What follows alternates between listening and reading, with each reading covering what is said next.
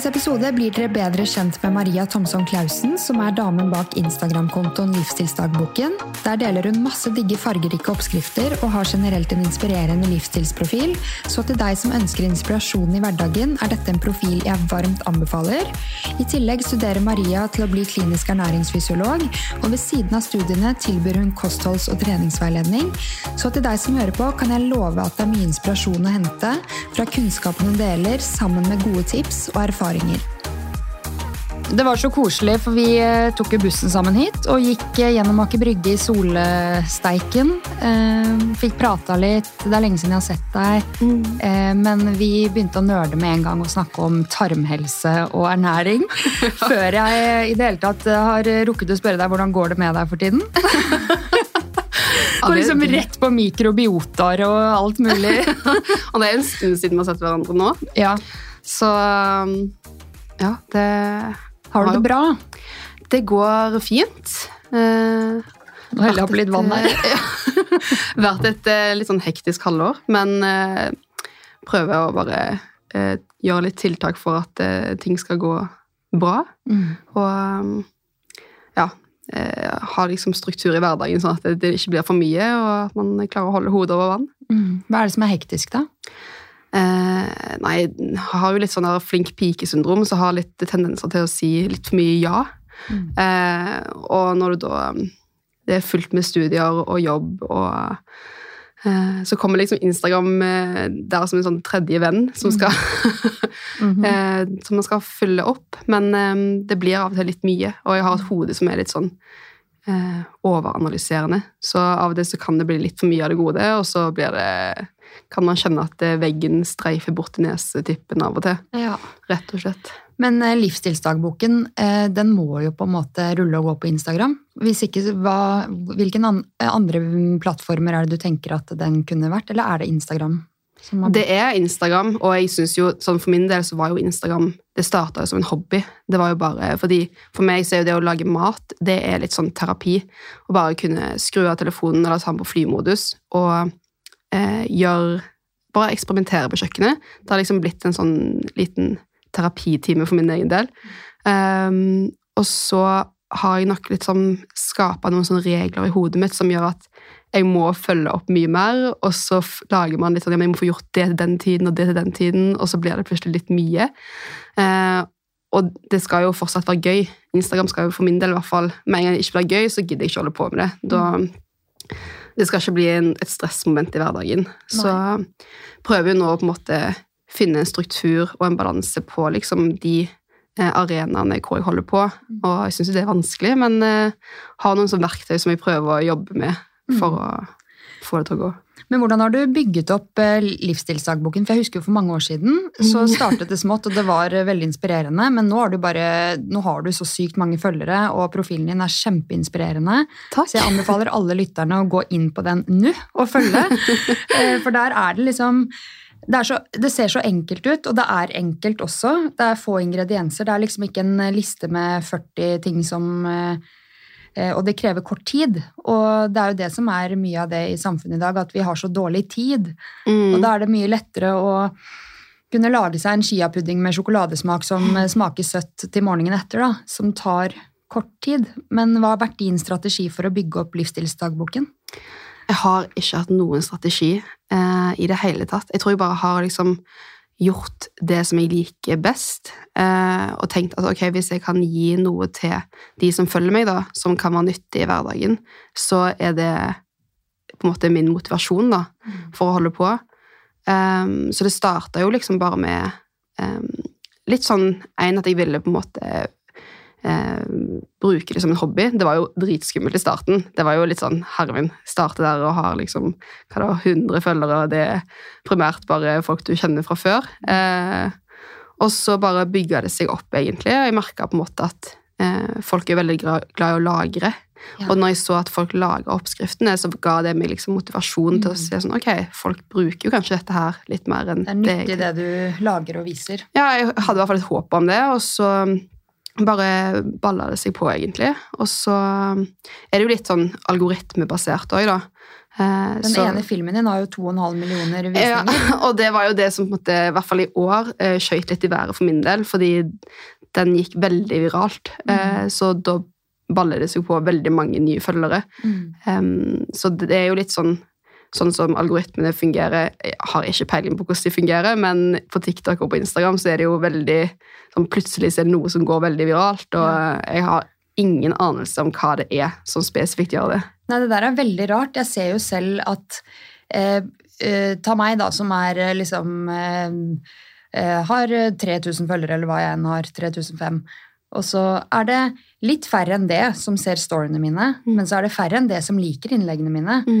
Men så ser jeg at eh, noen av innleggene kan bli vist, eller hva heter det, eh, reached, Mm. ja, eh, 60 000 ganger, mens andre er liksom på 3000, og noen er på 12 000. Altså det er veldig forskjellig. Mm, veldig. Så og jeg, ja, jeg har null anelse om hvordan de algoritmene fungerer, men eh, ja, det er noen ting slår an, og det er jo litt sånn jeg jo, kan jo se på en måte hvilke type oppskrifter folk liker. Folk er veldig glad, i hvert fall på min profil, da, så er folk veldig glad i liksom, eh, det søte. Og jeg lager mye på en måte snacks, eh, som er ganske sånn Mye er enkelt, så jeg tror folk kanskje liker litt sånn enkel snacks. Eh, folk er veldig glad i pasta, og det er jo jeg òg, så det Ja. passer Men veldig bra. alle mennesker har et forhold til mat. Mm. Enten det er et godt forhold til mat eller et dårlig forhold til mat, så er jo det noe vi må få i oss for å fungere og leve. Så eh, det er jo ikke rart egentlig at eh, denne profilen slår an. Selv om det finnes mange andre eh, kostholdsprofiler. Men jeg syns din skiller seg ut.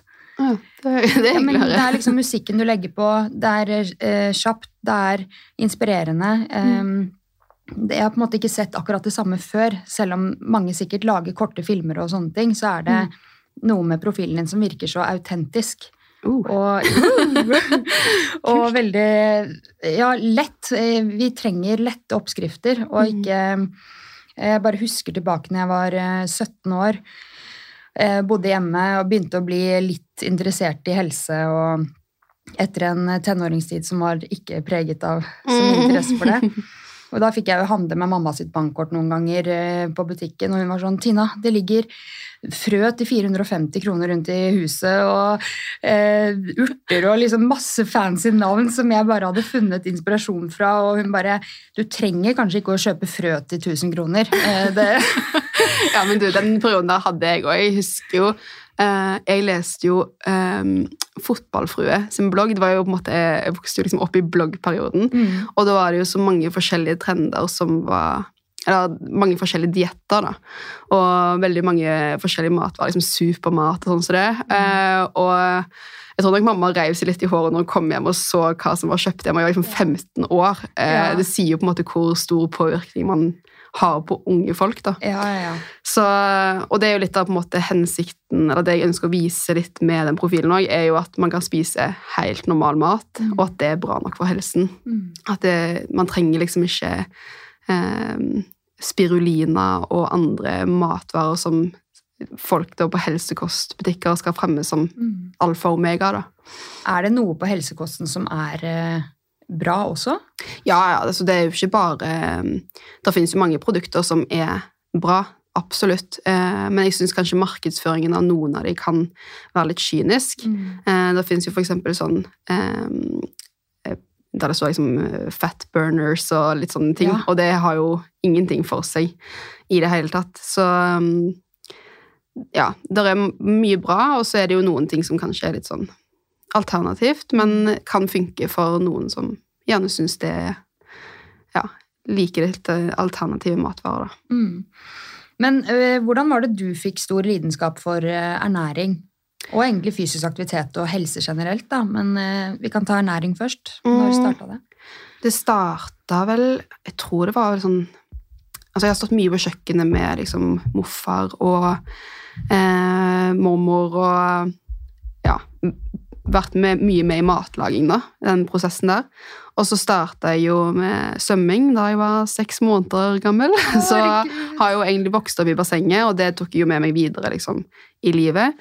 Eh, Så da jeg begynte å satse ordentlig som 12-13-åring, så var det jo en del foredrag med eh, ja, ernæringsfysiologer på Olympiatoppen, og det var veldig interessant. Det jeg syntes var vanskelig der, var at jeg fikk alltid høre hva jeg skulle spise, men ikke hvorfor jeg skulle spise det. Mm. Så jeg begynte å interessere meg litt for okay, hva er grunnen for at idrettsutøvere trenger mye karbohydrater, for eksempel, Mm. for å prestere bra, i hvert fall svømmere og liksom, eh, idretter som krever mye energi.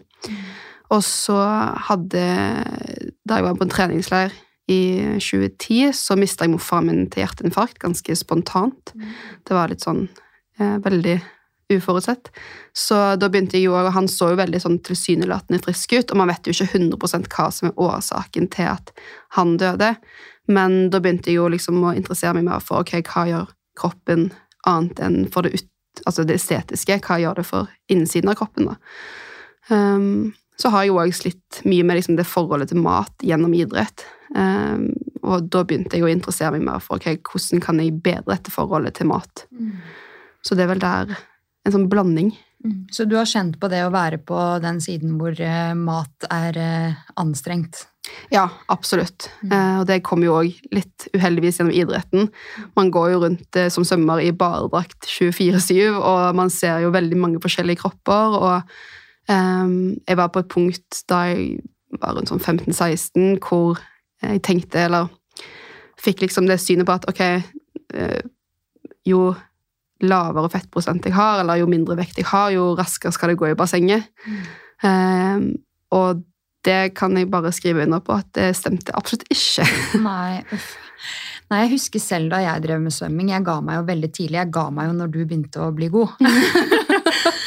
da trengte jeg litt av fest og kose meg. Men eh, jeg husker jeg begynte allerede på barneskolen å sammenligne meg med mine felles svømmevenninner som hadde så stramme lår og rumpe. Mm. Jeg, mens jeg hadde cellulitter ganske tidlig. Mm.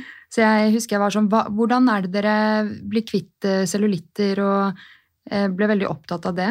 Men det er fortsatt med meg i dag, så jeg vet ikke. Og jeg Ja, nei, og det er litt sånn, det er det som er verstingen, syns jeg, med akkurat det på en måte miljøet, da, er jo at man begynner å sammenligne seg veldig eh, i ung alder. Og jeg tror nok det er jo litt sånn gjennom sosiale medier òg nå, for de som kanskje ikke driver med idrett, men man sammenligner seg så ekstremt mye med alle andre, som kan eh, skape litt problematisk forhold til det med kropp og mat. Og det er jo veldig trist. ja, Eh, Vi snakket jo litt om det på vei opp hit. mm. at vår generasjon eh, blir eh, kanskje litt metta på det sosiale medier-styret, mm. mens eh, de unge som har vokst opp med det, elsker det. Ja, absolutt. Og det er jo litt sånn hvordan man eh, mottar den informasjonen når man eh, ser på det liksom som noe inspirerende, eller om det er noe som er destruktivt. da. Eh, og jeg kan se for meg at det kan være destruktivt for veldig mange, og da er det jo litt sånn ja, avfølge de man kanskje får et litt dårlig forhold til da, gjennom sosiale medier. Det, Men du begynte jo på en ernæringsutdannelse, en, et årsstudium, gjorde du ikke det? jo. Eh, var det samtidig som du bygget opp livsstilsdagboken ubevisst, på en måte? Det var Livsstilsdagboken kom i etterkant. Eh, jeg tok det årsstudiet eh, Jeg slutta å svømme i, eller jeg la opp da i 2018, sommeren 2018. Fikk en liten identitetskrise, visste ikke helt hva jeg skulle gjøre med livet. Og så eh, hadde jeg egentlig en tanke om å bli tannlege. Ja, det var det jeg mener å huske. Ja, riktig. Eh, men så, så jeg satte meg liksom ned og var sånn, ok, hva må jeg gjøre for å få det snittet for å komme inn, for det er jo skyhøyt. Mm. Og så mm, tenkte jeg ok, jeg kan jo ta et årsstudium i et eller annet, fordi da får man to tilleggspoeng. Ja. Så jeg starta på det årsstudium i ernæring og helse, et sånn nettbasert studium. Og det tenkte jeg også var litt sånn, ok, nå har jeg jo muligheten til å kanskje lære litt mer om ernæring og kroppen, og få et litt eh, annet syn på det. Fordi akkurat da, på det tidspunktet, så var det litt sånn opp og ned eh, i perioder med hvordan forholdet mitt til mat var. Mm. Og så tok jeg det årsstudiet, med, reiste litt, og det var seriøst eh, redningen, i hvert fall i forhold til mat for min del. Det var så Jeg sier jo det at kunnskap er key, fordi jeg lærte så mye mer og fikk et så mye mer avslappa forhold til alt det med mat og kropp, og liksom få egentlig et bilde på hvor liksom, enkelt det egentlig er. da. Mm. Eh, jeg sier ikke at det er liksom, enkelt for alle, men for min del var det mye enklere. da. Mm. Så tok jeg det årsstudiet med, og i etterkant da tenkte jeg litt sånn ok, nå har jeg jo muligheten til å kanskje bruke litt av den kunnskapen til å formidle det på ja, sosiale medier. Da. Så da starta jeg den Instagrammen sommeren 2019, så året etterpå. Og så eh, Samtidig da gikk jeg på Bjørknes for å ta de fagene, og fant liksom ut at jeg ville jo bli ernæringsfysiolog. Det var jo den retningen der jeg ville gå. Men måtte ta noen realfag og sånt på veien for å komme inn på det studiet. Ja. Ja, fordi jeg eh, Du er jo på tredjeåret nå, er du ikke det? Mm. Og du deler jo en del studieteknikker. Mm. Eh, Kan du dele noen nå? Ja. Om, eh, fordi det er jo mange som plutselig bestemmer seg for å endre retning, eller som kanskje vil studere noe. Eh, Og jeg hadde aldri noe god studieteknikk. Det var litt tilfeldig hvor bra det gikk på en måte på prøver og sånn. Men eh, du er veldig sånn Ja, flink pike, da. Eh, men du deler det på en sånn fin måte. Man blir liksom ikke stresset av å se på studieteknikktipsene du deler. Nei, men Så bra. Eh, Jeg kan jo si sånn først og fremst at eh, jeg òg har eh, store issues med å klare å liksom alltid følge opp de studieteknikkene. Og har litt sånn konsentrasjonsvansker, så den kan stjele litt min oppmerksomhet. Men for min egen del også har det fungert veldig fint å liksom møte opp i forelesningene og prøve å bare være til stede og virkelig på en måte Ok, nå har du de timene her på å tilegne deg kunnskap. Det hjelper jo selvfølgelig når du har et eh, studie som du liker, og jeg syns jo studiet mitt er kjempegivende og gøy. Eh, så det er jo på en måte å møte i forelesningene, skrive notater og på en måte få med seg den informasjonen som blir gitt. Eh, og så har jeg, for meg da, så funker det veldig fint å liksom gå over notatene i etterkant. Eh, snakke litt høyt om temaet, gjerne enten til meg sjøl, eller så pleier jeg å ringe til mamma eller pappa og bare være sånn Nå må dere høre på meg snakke om dette. Eh, Be prepared. Um, eller så pleier vi å ha kollokvie da, med liksom eh, noen personer, og så snakker man høyt om temaet, presenterer litt. Eh, Så det er kanskje de beste studietipsene. Og så er det jo det å liksom spise nok, drikke nok, sove nok, eh, legge bort telefonen. For Ja. fytti katta, den kan være en tidstyv. Eh, og ikke minst ta pauser. Mm. Fordi eh, sånn i forhold til konsentrasjon, da jeg merker at bikker det 30 minutter, så begynner jeg å sose med helt andre ting. Mm. Er det ikke vist at vi klarer bare å holde konsentrasjonen i 30-45 minutter? Jo, At det er derfor man legger inn pauser på et kvarter i forelesninger og sånn? mm, det er noe sånn. Og noen som mener at det er enda mindre. Ja. Og 18 minutter mener jeg at jeg har hørt. ja, det kan godt stemme. I hvert fall på forelesninger, fordi Anette Dragland, som har podkasten Leger om livet, mm. hadde en, eh, en gjest eh, som eh, ga noen gode forslag til de som foreleser, eller ja. Og der sier hun at etter 18 minutter så vises det på sånne TED-talks Mm. eh, at eh, folk begynner å se litt ut av vinduet og sånn, Mm. eller styre med sitt etter 18 minutter. Mm. Ja, det er helt sjukt. Og Mm. ja, for Vi har jo noen forelesere som gjør det litt annerledes. da, at De tar liksom 20 minutter og så 5 minutters pause. 20 minutter og 5 minutters pause. Ja. Så det er litt sånn varierende. Jeg merker jo også i forelesninger at når det går eh, 25 minutter, så ser jeg på klokken veldig fort. Ja, ja, ja. Og jeg tror dette blir mer populært i arbeidslivet de neste årene også. At eh, pauser blir mer implementert i, på arbeidsplassen. Mm. Fordi det å være på jobb i seks til ni timer eh, og skulle være på hele tiden, det Mm. funker jo ikke. Nei. Og med kun en halvtime midt på dagen der. Eh, jeg tror vi kommer til å se annerledes på det om noen år, så det Ja, ja, ja. blir spennende. Ja. Og jeg merker jo også, liksom, Det er jo mobilen som ofte det svekker konsentrasjonen. Jeg leste faktisk en artikkel som jeg fikk tilsendt om det med å holde konsentrasjonen. da. Og det starter liksom artikkelen med at ja, hvis du klarer å holde konsentrasjonen gjennom denne artikkelen uten å sjekke telefonen eller gjøre noe annet, det er bra jobba, på en måte. Og den varte jo bare i sånn fem-ti minutter hvis du leste det uten å gjøre noe annet. Klarte du det? det var jeg sånn Jeg hadde liksom litt konsentrasjonsvansker midt i det der, men eh, jeg syns det er bare skummelt i seg sjøl hvor mye Og det at man sjekker telefonen, hvor lang tid det tar å komme og hente seg inn igjen og bli konsentrert om ett tema, det er skremmende. Uff, ja. Men eh, du har to år igjen av ernæringsstudiet. Mm. Hva er det du ønsker å gjøre når du er ferdig? Hva, hva ønsker du å bruke utdannelsen din til? Åh, det er så godt spørsmål, fordi jeg vet faktisk ikke helt. Um, jeg elsker jo òg sosiale medier. Jeg syns det er veldig gøy å holde på med den plattformen. Så um, jeg vil jo på en måte se hvilke muligheter det kan gi på sikt. Jeg syns jo, når vi har hatt praksis på sykehus, veldig, veldig gøy. Um, og jeg syns jo spesielt sånn tarmhelse, uh, nyre, uh, hjerte-karsykdom, veldig spennende. Um, så om jeg har muligheten til å jobbe enten på et sykehus eller om det er en annen klinikk, så er det veldig, veldig gøy. Mm. Men òg foredragsholding, uh, noe jeg kunne sett for meg. og bare liksom, ja, ta de mulighetene som kommer, egentlig. Ja. Jeg har sett at du Eh, du hadde aldri trodd at du skulle sitte og snakke foran kamera og sånn, har du jo delt på Instagram. Mm. Eh, tenker du at foredrag, eh, der har du blitt tryggere på å kunne stå foran en forsamling og dele kunnskap? Ja, foredrag og liksom det å snakke foran folk syns jeg ikke er så skummelt. Så lenge jeg på en måte er stødig i det jeg snakker om. Mm. Jeg syns barrieren med å liksom snakke til meg sjøl på kamera, det har vært mer liksom utfordrende, egentlig. Ja, Men det er jo egentlig ikke naturlig for oss mennesker å gjøre det. Så det er jo bare noe vi eh, lærer oss fordi at det har blitt naturlig i samfunnet vårt at sosiale medier eksisterer. Mm. Og så. altså, det, det, I starten Gud, jeg fikk jo helt eh, panikk av å bare se på det i etterkant. Men det er veldig morsomt, for nå føles det helt naturlig. Mm. Nå har jeg ikke noe problem med å måte dele ting på Instagram og snakke høyt. og Eh, så det, nå føles det mye bedre. Før var det litt sånn hvis jeg holdt kamera, så begynte hånden min bare å skjelve med en gang. Altså, det så jo ikke ut, liksom. Men det er sikkert fordi det var ute av komfortsona di, da. Mm. Eh, og med en gang man man trives jo godt i komfortsona. Der eh, kjenner man jo ikke på stress eller eh, noe frykt. Mm. Men med en gang man tråkker ut av den, det er jo da man eh, mestrer ting jo mer man gjør det. Så ja. det er jo ikke så rart heller at du føler deg tryggere nå, når du bare har tvunget deg gjennom den derre åh, da skal jeg stå og snakke i kamera.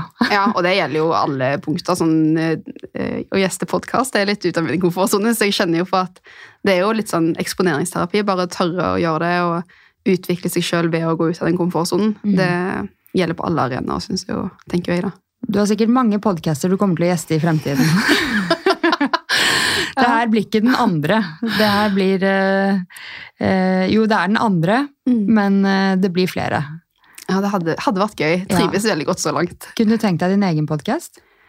Um, når jeg ser hvor mye arbeid som legges ned Kanskje hvis jeg, når jeg er ferdig med studier og har litt mindre på agendaen i livet, så hadde det vært kult. men sånn, det, det er faktisk ikke noe jeg har tenkt på.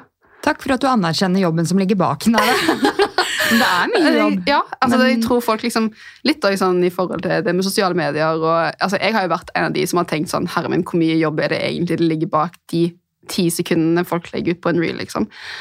Og tro meg, det er så mye jobb. Mm. Og det kan jeg se for meg i forhold til podkast òg. Det å hente inn gjester, skrive liksom, spørsmål, eh, planlegge alt det sammen. Det, tar, det er mange timer som legges ned.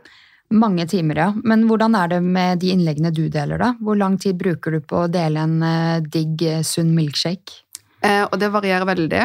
Um, altså jeg tror sånn makstid er én til to timer, kanskje. Okay. Og da er det liksom det å lage, filme, redigere mm. og Men jeg uh, har jo noen oppskrifter som har tatt hinsides lang tid. Uh, for eksempel sånn lasagne eller boller eller liksom sånn bakst. Det må jo på en måte, ta jo lang tid å lage. Så da har jeg kanskje brukt sånn så, ja, fra klokken ti til klokken seks, da sånn åtte timer. Oi, shit, ja. Nei, men eh, Når det kommer til oppskrifter og sånn, det, får du inspirasjon fra eh, oppskrifter som fins, og så gjør du det til ditt eget? Eller er det oppskrifter som finnes der ute, som du fronter? Eller lager du ting helt ut av hodet ditt og hva som du tenker er digg? Hvordan er det? Eh, noen lager bare sånn, altså i hvert fall sånn mye av det i starten. Da var det bare eksperimentering på kjøkkenet. Bare, og det skjer jo fortsatt nå, hvis jeg på en måte er hjemme, har veldig få Altså har ikke laga noe mat og ser bare hva jeg har i kjøleskapet, så bare mm, smeller jeg sammen noe der, og så kan det Noen ting kan være representativt, og noen ting er ikke så representativt. Um, og så kan jeg òg liksom Jeg liker veldig godt sånn min feed. Jeg er veldig heldig med min feed på Instagram, for det er basically bare mat eller uh, sånn ting som kan hjelpe meg. da. Så når jeg går inn på Utforsk, så kommer det opp masse masse farger som er veldig fint å se på. Mm. Og så kan jeg bare sitte og scrolle på det hvis jeg har tid, da, og så kan jeg hente inspirasjon derifra òg. Ja. Nei, jeg, jeg har aldri skjønt det der med at man klarer å bare smukk, smukk og sette sammen noe, og så blir det digg. Fordi jeg ser for meg at hvis jeg skulle prøvd å lage noen, eh, ikke visst hvordan en normal pannekakerøre fin, eh, lages, for eksempel. Jeg må alltid søke opp hvordan pannekakerøre Det har ikke jeg i hodet, selv om jeg har lagd pannekakerøre 100 ganger. Eh, men hvis jeg skulle laget min egen sjokolade-pannekakeoppskrift jeg det loka så jævlig. Altså, det hadde vært tre egg og litt av dash med mel og litt eh, vaniljepulver, og så bare hadde det blitt sikkert helt krise. så jeg måtte ha hatt en sånn mal. sånn der, ok, Det krever 2,5 dl og en dash med melk, liksom. Men det er jo litt sånn, man må bare prøve seg frem òg. Eh, og så har jeg jo liksom kanskje litt fordel med at vi har hatt matvarekunnskap på Ja. studiet veldig tidlig. Så um, Lærer dere der liksom sånn, når dere velger å ha tre egg i denne oppskriften, så er det lurt med så og så mye væske, eller? Nei, ikke nødvendigvis. Vi må lære liksom om egenskapen til matvarene. Sånn spesielt sånn råvarer, da. Eh, og hva de kan gjøre sånn i forhold til frø, i forhold til egg, i forhold til ulike kornsorter og sånn. Så um, lærer man jo om egenskapene. Og så når man i tillegg har hatt en del eh, sånn Vårt studie er nesten bare kjemi. Så det er jo når du på en måte skjønner egenskapene til de ulike matvarene, og hva matvarene inneholder, så skjønner du kanskje litt mer hvordan de vil fungere sammen, eller hva man må tilsette mer og mindre av for å få det til å bli et sånt resultat. Da. Ja, det gir jo mening, da. Er det derfor dere må ha så god karakter i matte og sånn? Eller har ikke matte, eller R hva er de der fagene som er litt avanserte? Ja, det er, For å komme inn så må du ha kjemi 1 og kjemi 2. Ja, um, enten R1, S1 eller S2. Og så er det fysikk 1. Det er liksom krav. Og der mista du meg. Ja, Der mista du meg òg for et par år siden. for å si det sånn. Jeg var ikke en realfagsperson i det hele tatt. Oh my god. Så, men ja, det anbefaler jo absolutt å kunne litt kjemi. Eh, og biologi òg er en fordel, fordi det er nest, altså ernæring er veldig mye biokjemi. Ja. Men du, du har jo startet opp Lev Nutrition med to andre ernæringsprofiler. Eh, Emilie Voe, som mange vet hvem er, og Lise Sofie. Eh, kan du fortelle om hvordan dere fant hverandre, og hvordan dere jobber i Lev Nutrition? Ja, eh, det var gjennom Instagram. Mhm. Eh, jeg har jo vært Lise og meg begynte bare å snakke, egentlig. Eh, og så var hun innom hadde et, hadde et foredrag i Kristiansand, skulle innom Oslo. Og så eh, bare var det sånn «Å, hyggelig hvis vi, eh, hvis vi kan ta en eh, kaffe sammen. Eh, og så ble det bare til at istedenfor at vi tok en kaffe, så kom vi og sov over hos meg i fire dager. Oi! ja. Å, herregud! Så det Hvordan ble det til? Nei, det var fordi hun hadde liksom noen planer i Oslo, og sånt, og så hadde hun ingen sted å bo. Ah. Så var jeg litt sånn, ja, jeg føler nesten at jeg kjenner hun fra før, så møttes vi på Lysaker, og det var jo bare kjempegod klaff. Shit, jeg Ja. elsker sånne stories. Mm. Eh, sosiale medier er jo et bra sted for å connecte med folk. Det er det jeg liker med Instagram. Eh, jeg også har jo fått mange Instagram-venner som jeg føler jeg kjenner litt fordi vi chatter. Så det er kult. Ja, og det, ja, nesten alle de nye, altså de vennene jeg har blitt kjent med nå i etterkant, etter jeg startet i 2019, har, er faktisk gjennom Instagram. Så det er veldig gøy, eller gjennom sosiale medier.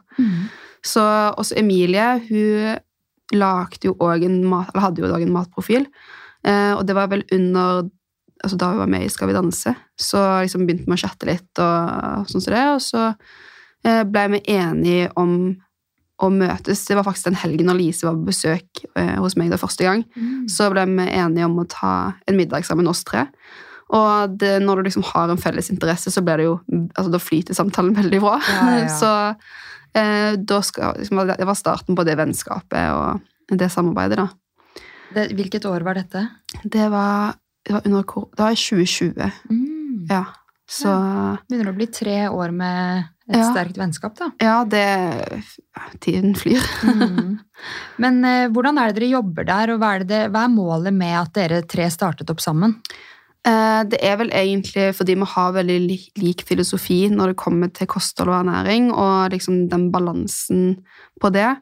Og det finnes jo veldig mange aktører der ute, og folk gjør det på veldig forskjellige måter. Eh, Sånn som Lise, Emilie og meg, vi har jo litt sånn Vi mener det at eh, varig endring er det beste, og at eh, quick fix eh, kan fungere for noen, men eh, det vil neppe holde veldig lenge, da. Mm. Som er jo fordi at man skal skape varig endring over tid, og at det er gjerne da man på en måte kanskje trives best med en livsstil.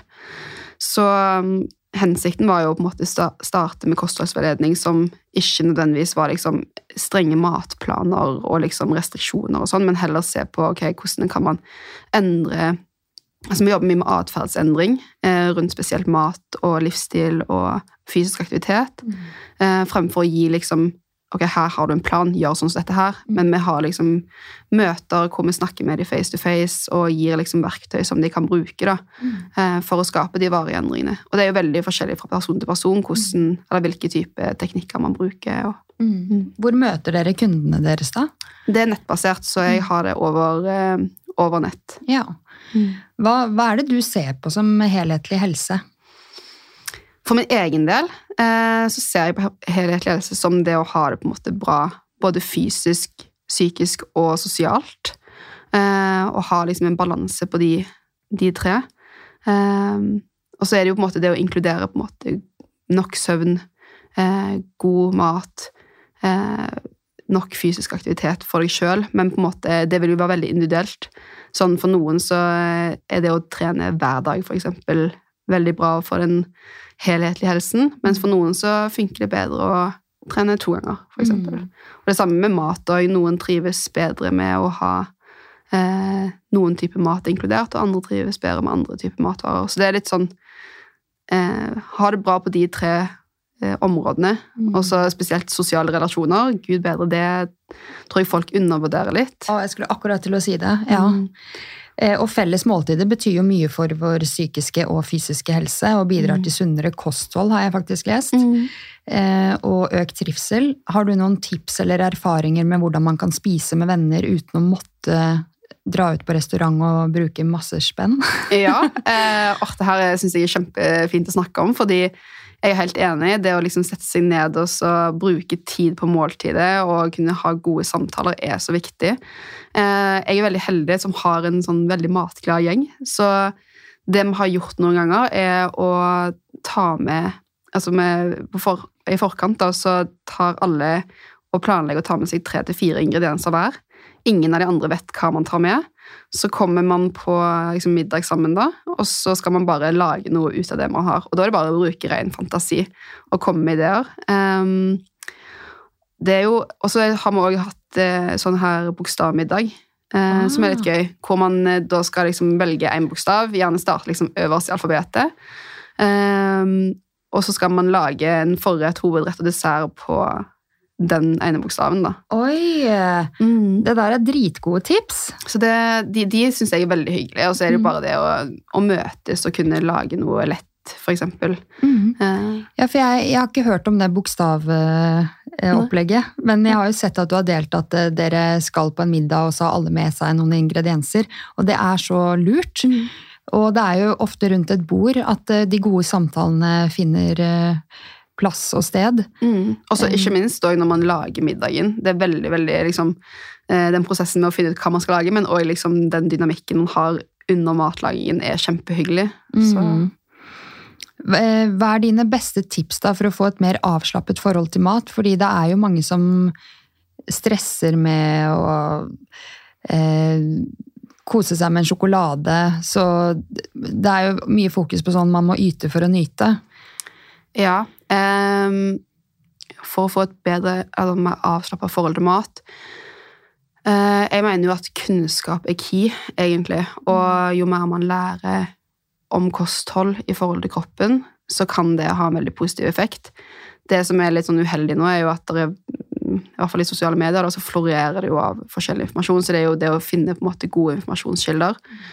Eh, men òg det å finne gleden i matvaren, altså i mat, i mat generelt, eh, og se på det positive fremfor det negative.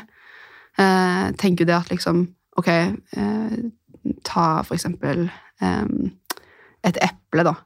Hva positivt kan det gi for helsen? Jo, det inneholder fiber, vitaminer, mineraler. Er liksom det, altså det smaker godt. Hvordan kan man lage den matvaren sammen med andre matvarer?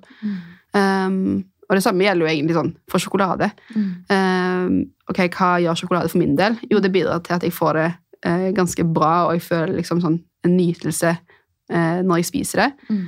eh, i de mengdene som på en måte jeg syns er bra. Mm. Eh, og så tenker jeg også at det med restriksjoner Det er veldig mange som setter liksom labels på matvarer som ja og nei-mat, eller eh, skal spise, skal ikke spise.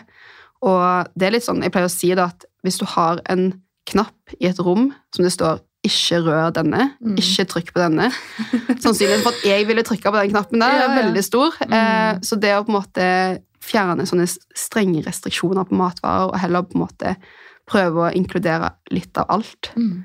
Er bedre. Kunne ønske folk var litt mer kritiske til hvem de henter inspirasjon og kunnskap fra. Mm. fordi på sosiale medier så kan jo kanskje en moteprofil begynne å si at uh, dette er kjempesunt. Mm. Men hva er sunt? Har du noen tanker om uh, Kan f.eks. ren plantebasert mat, som er mye i fokus nå, da.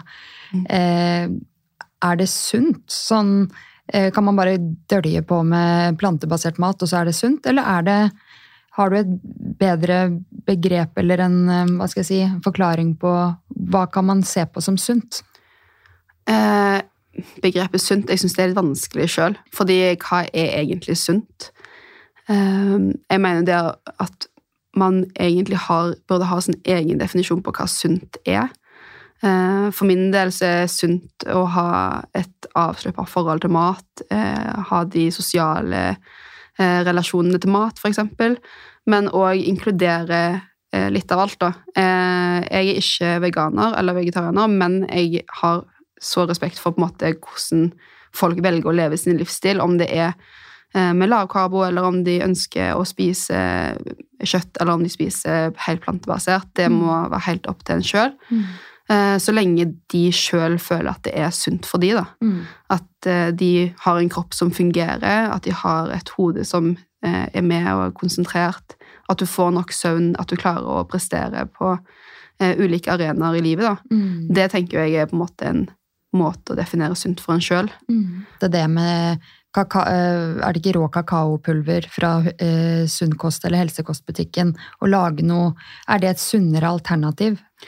Det, et, eh, det kan være et mer næringsrikt alternativ. Kommer jo helt an på hvordan man da lager denne sjokoladen. Um, men det vil jo for eksempel eh, mørk sjokolade med liksom høyere prosentandel av kakao versus eh, melkesjokolade Mm. vil jo være, ha mer næring enn kanskje den melkesjokoladen, da. Så det er jo litt sånn hvordan man Men så igjen så tenker jeg at hvis man hele tiden skal på en måte erstatte liksom matvarer med et sunnere eller på en måte et mer næringsrikt alternativ, så er det jo litt sånn ok, hvordan vil det utspille seg i praksis? Mm. Eh, jeg liker jo å si litt sånn at man må også være tilfredsstilt psykisk i forhold til mat for at det skal være sunt. da. Mm. For det å gå rundt og stresse over matvarer, om det er sunt eller ikke sunt Altså gå rundt med kronisk stress er jo i hvert fall ille for helsen. Mm. Så det er jo i hvert fall ikke sunt. Eh, Så det å finne en sånn fin balanse der eh, er jo òg veldig viktig. Mm. Det syns jeg var skikkelig bra forklart. Altså hvordan du ser på som sunt, da. Så bra. Ja. Um, og du nevnte jo at eh, dere, du og Lise Sofie, og Emilie sikkert, er eh, opptatt av å skape endringer som varer. Ja. At det er et fokus for dere når dere hjelper kundene deres. Um, enten det er kosthold eller trening. Uh, hvordan, kan du, eller hvordan kan man skape endringer som varer, tenker du? Uh, først og fremst er det jo viktig å vite hvorfor man ønsker å skape den endringen. Eh, hva er, liksom, er det en indre motivasjon, er det en ytre motivasjon? Eh, hvis man tenker sånn En veldig fin motivasjon å ha er jo selvfølgelig det helseperspektivet på det. Eh, og at man skal ha en bedre helse både på kort og lang sikt. Hvis man ok, kan dette, denne endringen gjøre at man sover bedre eller presterer bedre, så er jo det en veldig fin kanskje motivasjon å ha. Um, og så er det viktig å sette seg liksom realistiske mål. Eh, hvis man ikke er vant med å trene, for eksempel, så er det kanskje litt urealistisk å sette syv ganger i uken eh, fra i morgen av, liksom. Mm. Eh, og ta ting i sitt eget tempo. Og um, jeg syns òg det er viktig å på en måte kanskje ikke sammenligne seg med alle andre. Eh, tenke på at dette er en prosess som handler om meg, ikke om eh, den eller den personen i sosiale medier, eller hvordan jeg vil se ut. da. Mm. Eh, og kontinuitet. Ja, for vi Mm. alle har jo forskjellig utgangspunkt. Vi, mm. noen har drevet med idrett, noen har aldri drevet med idrett. Mm. Vi kommer fra ulike gener. Og mm, noen eh, kjenner sterkt på metthetsfølelse, mens andre gjør ikke det. Så når man sammenligner seg da, så blir det jo Det er jo egentlig bare veldig bortkasta tid. Ja, For vi er så forskjellige uansett. Ja, og det med gener, det er Jeg tror folk også liksom undervurderer akkurat det du sa med sånn sult og metthet. Fordi det er så mange gener som er med på å regulere det. Noen har et veldig eh, sterkt sånn sultbehov. da. Man har en veldig høy appetitt. Eh, og da, det er vanskelig, sånn, det er jo biologiske signaler som ikke er så lett å styre alltid. Mm. Så det å måte tenke at ja, man er veldig forskjellig, og man må ta utgangspunkt i seg sjøl og sitt eh, altså ståsted. Mm. Du har jo selv endret en vane som, eh, hvor du har vært ærlig på at du hatet å løpe før. Ja. Eh, mens nå har du jo løpeglede. Eh, hvordan var det du fant løpegleden, og hvilke råd har du til folk som tenker at de hater å løpe, men som ønsker å bli glad i løping? Fordi jeg er litt sånn overrasket over at det er så mange som sier at de hater å løpe, men så har de ikke prøvd, prøvd det. De bare tror at de hater det. Ja, altså Den prosessen der har vært, den har vært lang for min del, og faktisk kanskje en av de endringene som eh, Hvor jeg virkelig har måttet practice what I preach. Eh, jeg kunne jo ikke løpe 500 meter før leggene mine bare sa eh, takk og farvel, eh, fordi jeg syntes det var så fælt. Og, eh, så det var jo egentlig Siden jeg har drevet med svømming, eh, og da er det ikke mye løping man inkluderer, så da jeg slutta å svømme, så var jeg litt sånn Ok, nå må jeg finne noe som gir meg en form for treningsglede som jeg har hatt tidligere. Fordi eh, jeg, var altså, jeg har ikke vært interessert i å opprettholde den svømmingen så mye. Eh, og så da starta det med at ok, én, jeg må ta utgangspunkt i meg sjøl. Eh, jeg var ikke rask, og jeg løpte ikke langt, så det var liksom å starte i veldig smått. sånn Starte én gang i uken med å bare løpe eh, i mitt tempo. Eh, jeg brukte ikke noe sånn Strava. Eh, jeg hadde faktisk noe som heter Run, eller jeg har noe som heter Runkeeper. Mm. Eh, bare sånn lukka for meg sjøl, bare for å se liksom eh, tempoutvikling og sånt.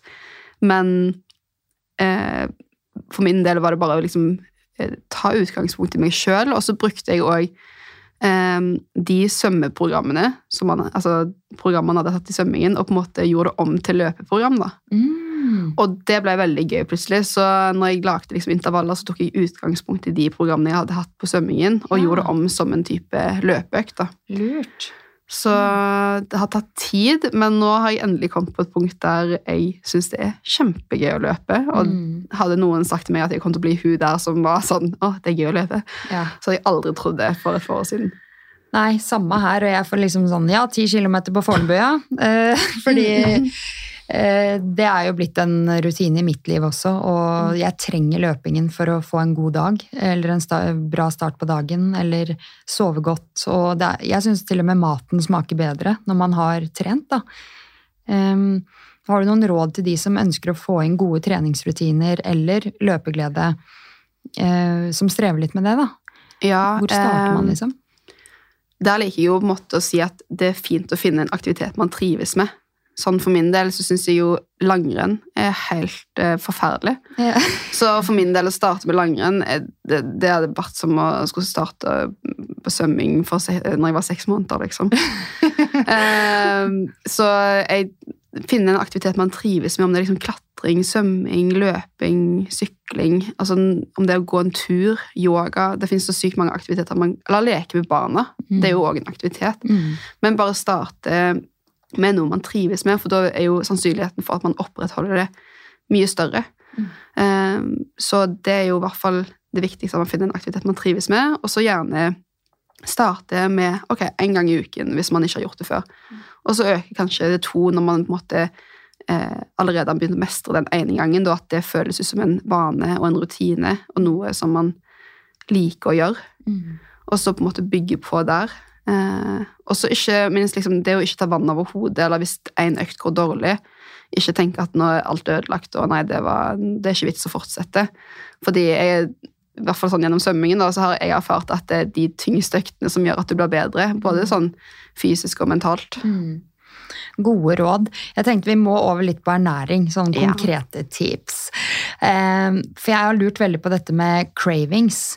Eh, hvorfor craver vi, og hva er årsaken bak cravings? Og da har jeg lagd meg en tanke om er det fordi at man ikke spiser seg mett på det måltidet, altså den middagen man egentlig har laget seg. Da. Fordi et, et, et eksempel fra i går er at eh, jeg hadde laget en svær hamburger til meg og Gard, samboeren min og svigermor, med søtpoteter, masse bønner, linser i ovnen.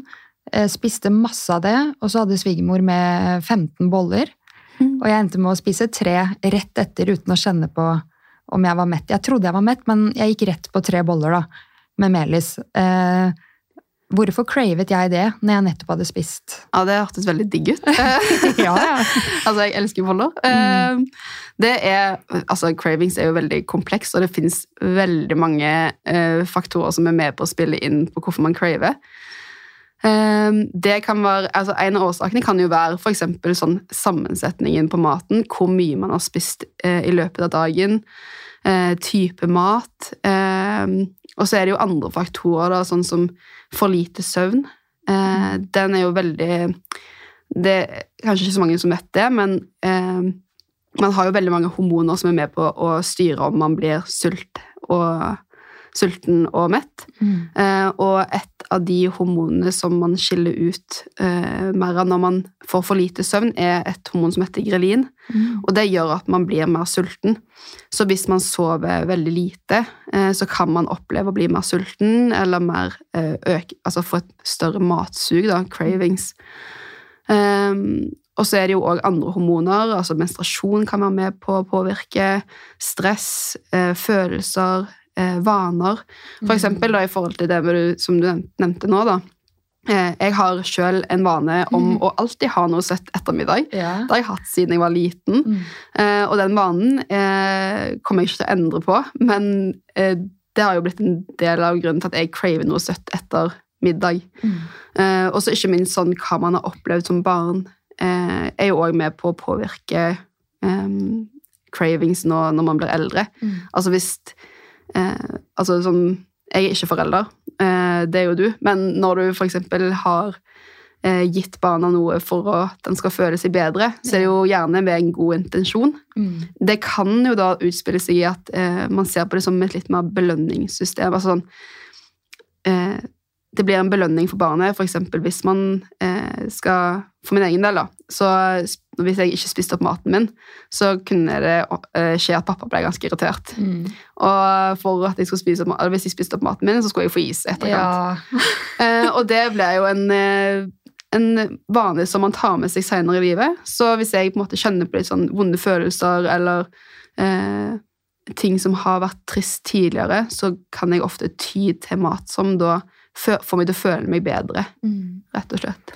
Jeg husker når jeg skulle ned i vekt etter mitt andre svangerskap. Da tok jeg noen eh, tilt... Da dykket jeg litt ekstra inn i ernæring eh, og hva matvarer inneholdt. Jeg har aldri vært opptatt av kalorier og den biten før, men jeg tenkte det var hensiktsmessig den gangen. Og eh, istedenfor da å ty til eh, melkesjokolade, som jeg har sikkert spist 45 plater av siden november, eh, nå da, så lagde jeg heller en skål med frosne bær varma det litt i mikroen og putta masse sukrin på.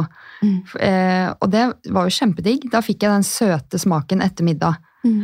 Ja, det finnes jo mange måter å, å, å dekke det søte behovet på. Og så igjen så handler det om vaner òg. Altså, jo mer man da f.eks. spiser bær med, med om det er liksom vaniljekesam eller noe annet, eh, så jo oftere man gjør det, jo mer blir det som en vane på at ok, det er det jeg har lyst på å crave når jeg eh, har cravings. da. Og det er jo litt, men det er jo eh, litt interessant, fordi eh, det å være tilfredsstilt i forhold til et måltid er jo òg veldig viktig. Så hvis jeg for eksempel da kommer til pappa, og han har sagt til meg at eh, nei, i morgen så blir det taco til middag, som jeg syns er superdigg. Mm. Og så kommer jeg, og så har han bare endra hele planen, og at det blir liksom eh, Hva da? Eh, kumler. Jeg, altså, jeg syns kumler er digg, men jeg syns taco er mye, mye, mye diggere. Eh, og da har jeg sett for meg hele tiden at ok, jeg skal spise taco, ikke kumler. Nei. Og da vil jeg mest sannsynlig kunne kjenne på at jeg er ikke helt tilfredsstilt etter å ha spist de kumlene, selv om jeg har fått mat i magen og liksom det fysiske behovet er dekka, men det psykiske behovet er liksom ikke helt dekka. Så da vil jeg gjerne kjenne på litt økt cravings etter det måltidet. Bare, nei, men jeg vil ha noe annet. Jeg må ha noe annet som er med på å dekke det behovet.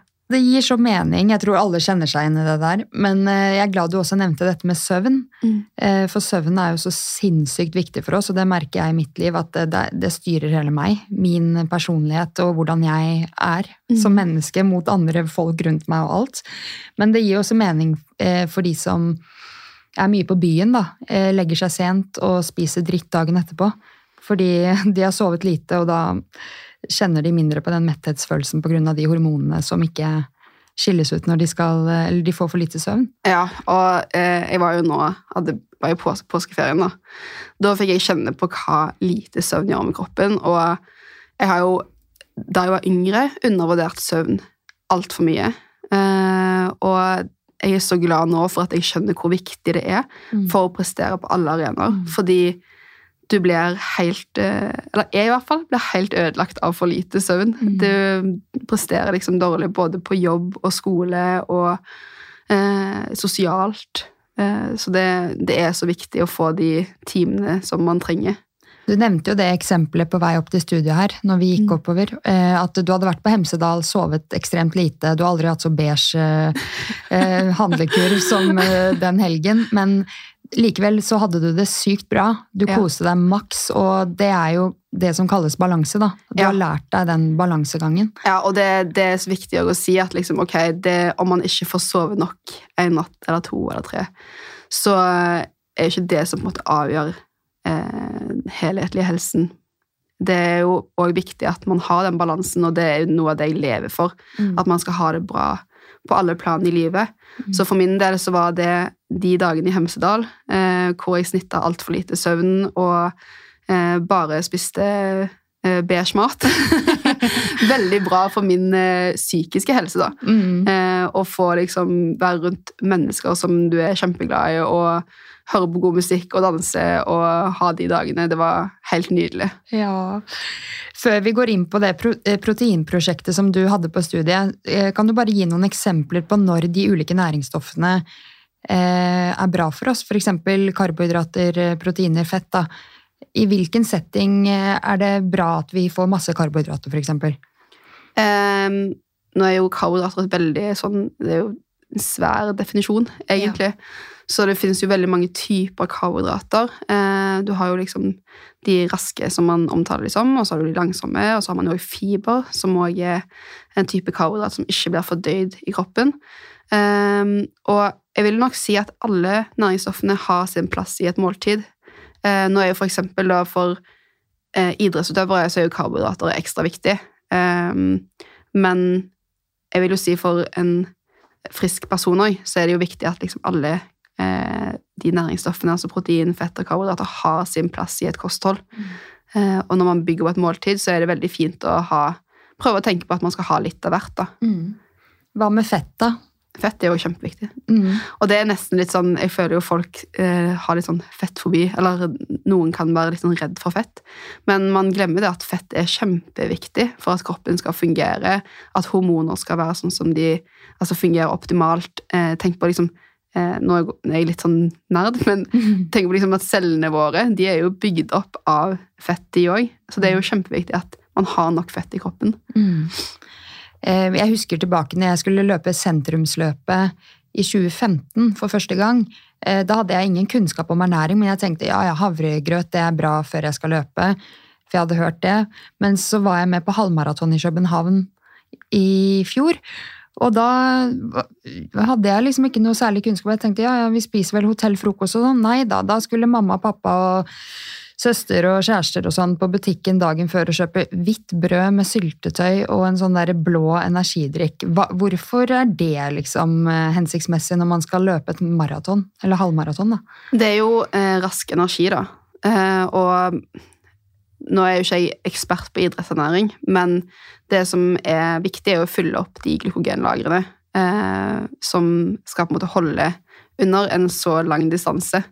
Så, og det er jo ikke så optimalt, kanskje. For det første så vil jo, hvis man spiser mye av de, altså mye grovt brød versus lysbrød, eksempel, så vil jo det ta opp litt mer plass, det tar lengre tid å bryte ned, og man kan kjenne på at man blir eh, raskere mett.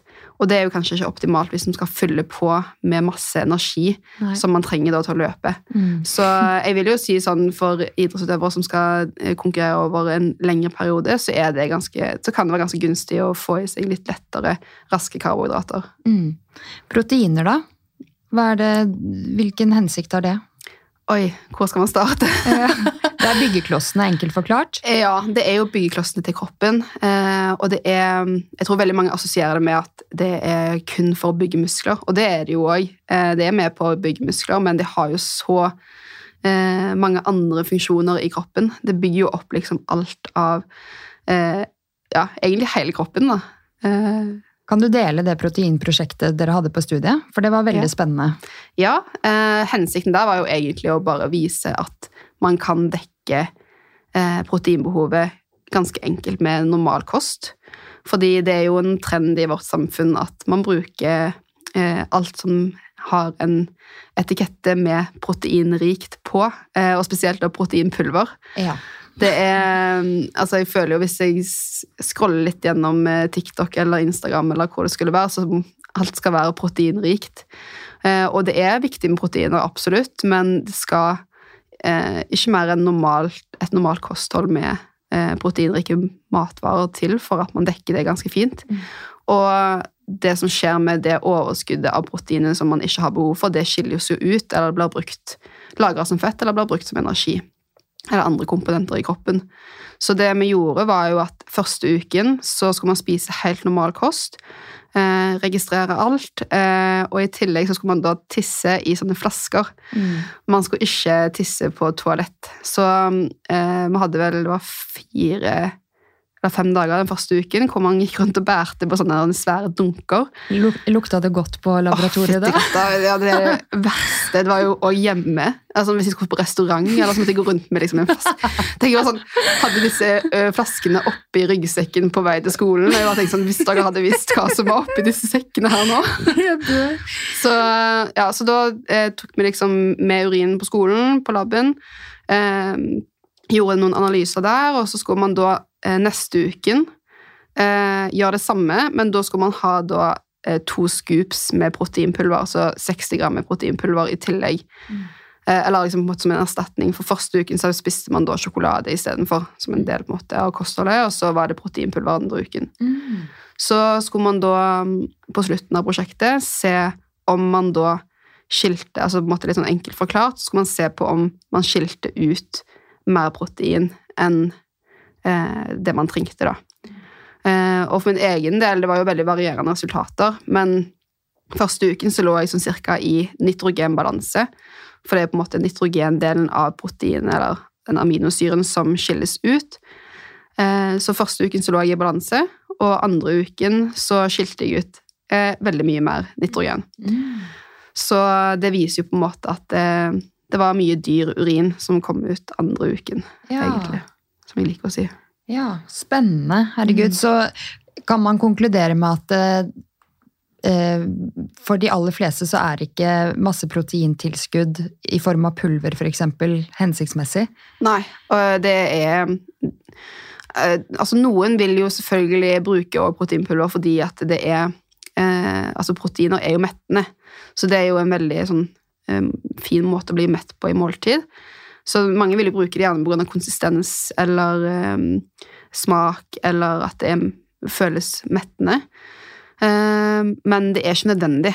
Så det er litt for å vise at man kan spise matvarer. Og så er det jo også litt fint å tenke på at matvarer, hvis man måtte spise et egg, da, som er veldig proteinrikt, eh, versus proteinpulver, så vil jo òg det egget inneholder veldig mange andre næringsstoffer som kroppen har behov for. Mm. Mens proteinpulver er jo isolert eh, kun konsentrert protein. Mm. Så det er jo da sånn aminosyren der er jo på en måte, det er kun det du får. Du får ikke med mange andre vitaminer og mineraler. Nei. Da passer det fint å gå over på neste spørsmål jeg har. Fordi mm. det å innta fast føde kontra en smoothie eller en eh, juice eh, er det, Hva er forskjellen på det? Eh, det, altså, der, der går det mest på sånn i forhold til metthet. Det er jo andre faktorer òg, men hvis man tenker på metthetsfølelse, eh, så vil jo det å tygge hel mat være gunstig, fordi du bruker jo tennene, og i tennene så har du sånne mekanoreseptorer som eh, sender signal til tarmen og hjernen og gjør at du vil kjenne på økt metthetsfølelse. I tillegg så tar det jo mye lengre tid òg å tygge mat. Så når du tygger mat, så ja, du bruker du lengre tid på måltidet versus hvis du på en måte drikker en smoothie eller juice ganske fort. Mm. Så det vil jo òg kunne bidra til økt metthet. Og det tar jo rundt 15-20 minutter før hjernen registrerer eh, den maten. Mm. Så det er jo òg litt sånn for å kjenne på økt metthet gjennom et måltid. Mm. Eh, men så er det viktig å presisere at eh, smoothie kan jo òg lages på en veldig eh, bra måte. Eh, hvis man tilfører eh, protein, karbohydrater, fruktbær, grønnsaker, eh, fett for eksempel, eh, noe fiber, så er jo det en veldig fin sammensetning. og veldig gunstig for eksempel hvis man har litt dårlig matlyst, eller har tyggevansker, svelgevansker, eller generelt syns det er vanskelig å få i seg grønnsaker, altså rene grønnsaker, så er det en veldig fin måte å tilføre de eh, næringsstoffene uten at man må måtte tygge hel Mm. mat. Det er mange ting man kan skjule i en smoothie. Altså, jeg putter jo spinat og egg. Det Mhm. smaker jo ikke noe Nei. i smoothien. Og cocoaolje, det er jo veldig godt. Kokosolje eller sånn cocoa Um, så det lager jeg til meg og gutta, da. Ja. Um, og det smaker liksom ikke dret. Nei, og det er jo noe med det, og noen syns jo liksom at eksempel egg ikke smaker godt, eller at spinat smaker helt forferdelig. Og da er det jo en kjempefin måte å tilføre det. Så jeg liker jo alltid å sånn, Det vil alltid være fordeler og ulemper med måter for eksempel, å tilberede mat på, men hvis man klarer å se det positive ved det man faktisk lager, så er jo det mye bedre enn at man ikke spiser det i det hele tatt. Mm. Jeg bare lurer på, i forhold til når man er og handler på butikken og ser på de ulike matvarene, det er jo ikke alle som gjør det, men så står det jo alltid ingredienser på pakningen. Er det noen sånn huskeregel på at jo, eller en, eh, stemmer den regelen om at jo flere ingredienser som står på pakningen, og særlig de som ikke er gjenkjennbare, ord vi ikke har hørt før, eh, betyr det at det ikke er et veldig bra alternativ da? Eh, ja. Eh, det er jo gjerne ultraprosesserte matvarer, matvarer du sikter til. Eh, Pent sagt. Pent sagt. Eh, ja Det er jo fortsatt veldig mye forskning man eh, ønsker på dette området, og det kommer kjempemye spennende nå. Jeg vil nok si at man vil helst at det skal være mest mulig ingredienser som er gjenkjennbare, og at eh, tenker at hvis det er for mye, så eh, at det er viktig å se på hva produktet er òg, før man på en måte tar og trekker noen konklusjon på om det her er eh, ikke bra for meg eller bra for meg. Eh, og så er det jo litt sånn ultraprosessert er jo et veldig fortsatt, eh, etter min mening, vagt begrep, fordi det kan være alt fra en skyr til McDonald's, eksempel. Mm. Og for noen så kan eksempel skyr fungere ganske greit. Mm. Um, og det er ikke assosiert uh, Det er jo ikke um, Det er ikke sånn at skyr i seg sjøl er dårlig for helsen. Så um, Det er et godt spørsmål. Mm. Eh, Jeg syns det er litt vanskelig å svare på, men jeg tenker at det, essensen burde være å prøve å velge mest mulig råvarer og minst mulig prosessert mat. Mm. Og eh, hvis man har muligheten til å lage mye fra bunnen av, som kan være vanskelig for mange ved en hektisk hverdag, så er det kjempefint. Men det er ikke sånn at det, hvert eneste måltid må bli lagd fra bunnen av, at alt må inneholde råvarer for at man skal ha god helse. Eh, Er det en huskeregel man kan ha i hodet for å sikre at man får i seg næringsstoffet kroppen trenger, eh, og som er sunt for oss, når man går og handler på butikken? Er det Mhm. liksom for eksempel eh, farger? Ja, jeg liker den veldig godt. Farger. Eh, til ikke å tenke at hvis man kan fylle opp tallerkenen med mest mulig farger, eh, det er kjempefint. Og så er gjerne Jeg syns jo tallerkenmodellen er en veldig fin, et fint prinsipp, hvis man har muligheten til det. Eh, nå er det eksempel sånn gryter og sånn som er ikke alltid så lett å følge liksom, tallerkenmodellen, men hvis man da har tilsatt masse forskjellige grønnsaker eller andre eh, matvarer som er eh, bra, så er jo det allerede en fin tallerkenmodell. Eh, Men det å på en måte, hvis man klarer å implementere halvparten med Eller rundt en tredjedel til en fjerdedel Um, Nei. Hvis man klarer å implementere to fjerdedeler, altså halvparten, da, med frukt og grønnsaker, eh, salat, noe farger, da, og så eh, resterende protein, fett og karbohydrater, så er det en veldig fin på en måte, måte å bygge opp et måltid på. Mm. Mm. Eh, men jeg vil gjerne ha litt tips, og lytterne også må få litt eh, tips, fordi du deler så sjukt mye digg på Instagram. Eh, er det noen sånn basic ingredienser som alltid er lurt å ha hjemme? Eh, for å kunne lage de enkle, digge oppskriftene dine, eller eksperimentere selv, da? Um, jeg syns jo tørrvarer eh, er gull å ha. Og så syns jeg jo òg at hermetikk, hvis man liker det altså sånn eh, Hakkede tomater, eh, ulike typer belgvekster ehm, Ris og pasta. Lager jo en del uh, matvarer med pasta. Uh, så sånne enkle matvarer som ikke heller er sånn veldig dyrt, uh, er greit å ha hjemme. Jeg liker jo òg å lage mye matvarer som eller måltid som inkluderer mye frukt og grønnsaker. Og ikke minst sånn egg, yoghurt, Mm. kesam.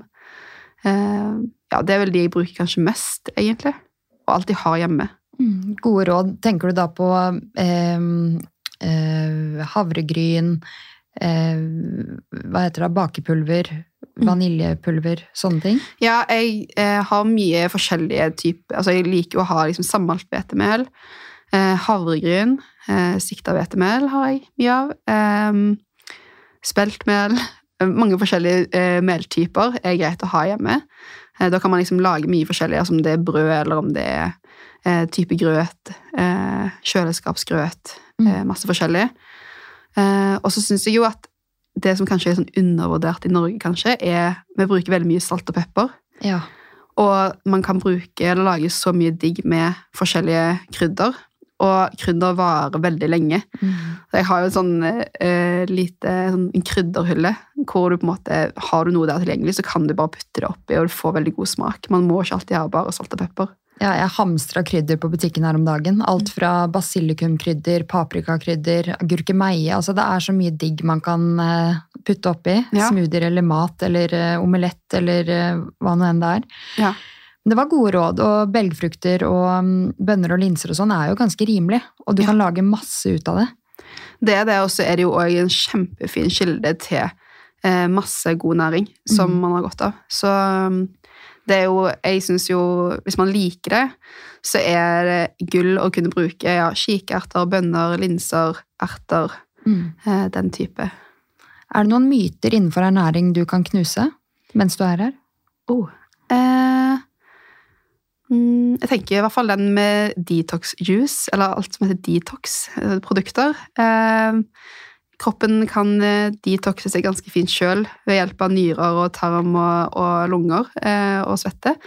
Så eh, det er vel kanskje en av de mytene som jeg hører veldig mye om, som faktisk henger i luften ennå, selv om de hang i luften også for ti år siden. Mm. litt det med i forhold til protein, at det er mest mulig protein eh, er ikke nødvendigvis best mulig. Um, Er det noen matvarer som har dårlig rykte? Sånn potet? ja, eh, og det, jeg jobber jo med veiledning. Og jeg blir på en måte Jeg syns det er veldig trist, fordi det er jo informasjon som eh, man gjerne har fått fra ja, eh, kilder som kanskje ikke har vært så pålitelige, da. Og mange av de matvarene som går igjen, som jeg hører at folk er redd for, da, er eksempel potet, pasta, banan. Banan, ja. Ja, Jeg skulle til å si det. og jeg vet ikke om den, eh, den banan... eh, trenden, eller bananmyten, jeg vet ikke tid den kom, men jeg har i hvert fall aldri åh, liksom, La oss være ærlig, ærlige, den kom når PT-en til Tone Damli sa at eh, det holder med en maks en halv banan. Aha, Ja, for ja. noen år tilbake. Ja. Den, den har ikke jeg fått med meg, vet du. Men, Ok. eh, men Nei, men det... det- var der det starta, tro Ah. meg. Okay. Ja, jeg kan i hvert fall eh, skrive inn på at banan eh, kan du spise veldig, veldig fint uten å være bekymra. På noen som helst måte. Jeg bruker banan eh, mye i mine oppskrifter, og det er en super, superfin matvare. Mm. Og så egg har jo òg et litt kjipt rykte på seg. Eh, og alle disse matvarene er kjempefine matvarer som ingen trenger å være redd for på noen som helst måte. Mm. Det var gode råd. Før vi går over på de faste spørsmålene, så lurer jeg på om du har noen råd til mennesker som sitter inne med noe de har lyst til å gjøre, men som ikke tør å ta det første steget? For du, jo, du har jo vært der selv før. Å ja. Eh, bare hoppe i det.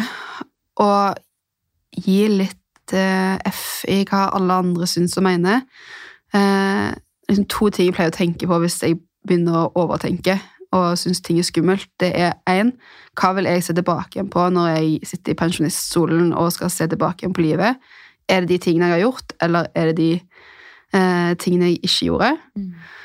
Og så tenker jeg òg at man lever ett liv, og hvis man skal drive og tenke på hva alle andre syns og mener Alle vil ha en mening om det uansett, eh, men det er jo jeg vil gjerne bry meg om det hva liksom, de nærmeste rundt meg tenker.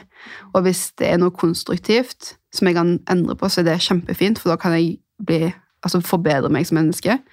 Um, men hvis det bare er svar, da, og hvis folk bare kommer med kommentarer som ikke har noen mening, så Det er lettere sagt enn gjort, men la det prelle av. Mm. Og bare kjør på med de drømmene man har. Jeg er så enig. Man vil angre mer på ting man ikke gjorde, enn ting man har gjort uansett. Ja, absolutt. Og ja, det, det, er så lett å sette på en måte Jeg har eh, Det er litt sånn Ikke akkurat det her, da, men eh, tidligere så har jeg hatt et publikum som jeg har skapt i mitt eget hode, på skulderen, med 20 forskjellige personligheter, hvor eh, jeg lytter veldig mye til, til, de personene som jeg skaper mitt eget hode. Skikkelig sånn tankefeller. da. Mm. Ok, Den eh, syns jeg gjorde det rart, den syns det var kult, den syns ikke det var kult. og bare liksom... Så det jeg har bare øvd meg på, er å bare sette et kryss over de menneskene og prøve å bare fokusere på ok, se heller på heiagjengen mm. og lytte til de personene som òg er likesinnede, mm. og kjøre på med det. Det var et godt bilde, egentlig. Mm. Alle de menneskene man skaper i hodet sitt, som ja. uh, man egentlig bare skaper uh, selv, ja. Som uh, kritikerne. Mm. Er du klar for å gå over på faste spørsmål? Yes. Hvordan starter du uken best mulig? jeg reier opp sengen. Bra! Den kjører vi også hjemme. ja, den, jeg syns hodet mitt blir ryddigere av at jeg reier opp sengen. god musikk. Jeg er avhengig av å ha musikk på som gir god stemning, og så en god kopp kaffe. Mm. Nice, jeg føler deg på den.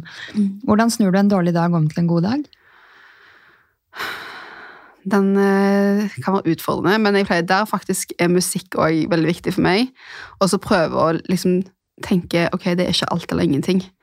Jeg kan fortsatt eh, snu om den dagen til å bli ganske bra, og der, eh, for min del, trening alfa og omega.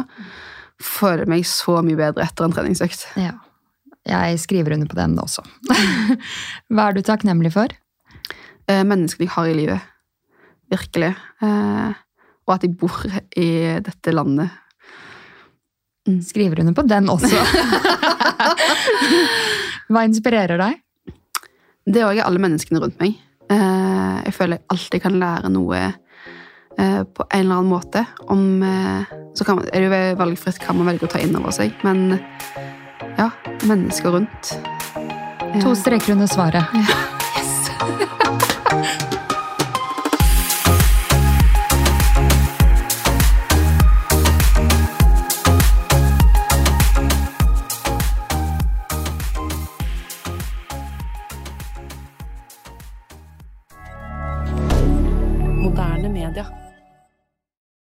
Har du et enkeltpersonforetak eller en liten bedrift? Da er du sikkert lei av å høre meg snakke om hvor enkelt det er med kvitteringer og bilag i fiken, så vi eh, gir oss her, vi. Fordi vi liker enkelt. Fiken superenkelt regnskap.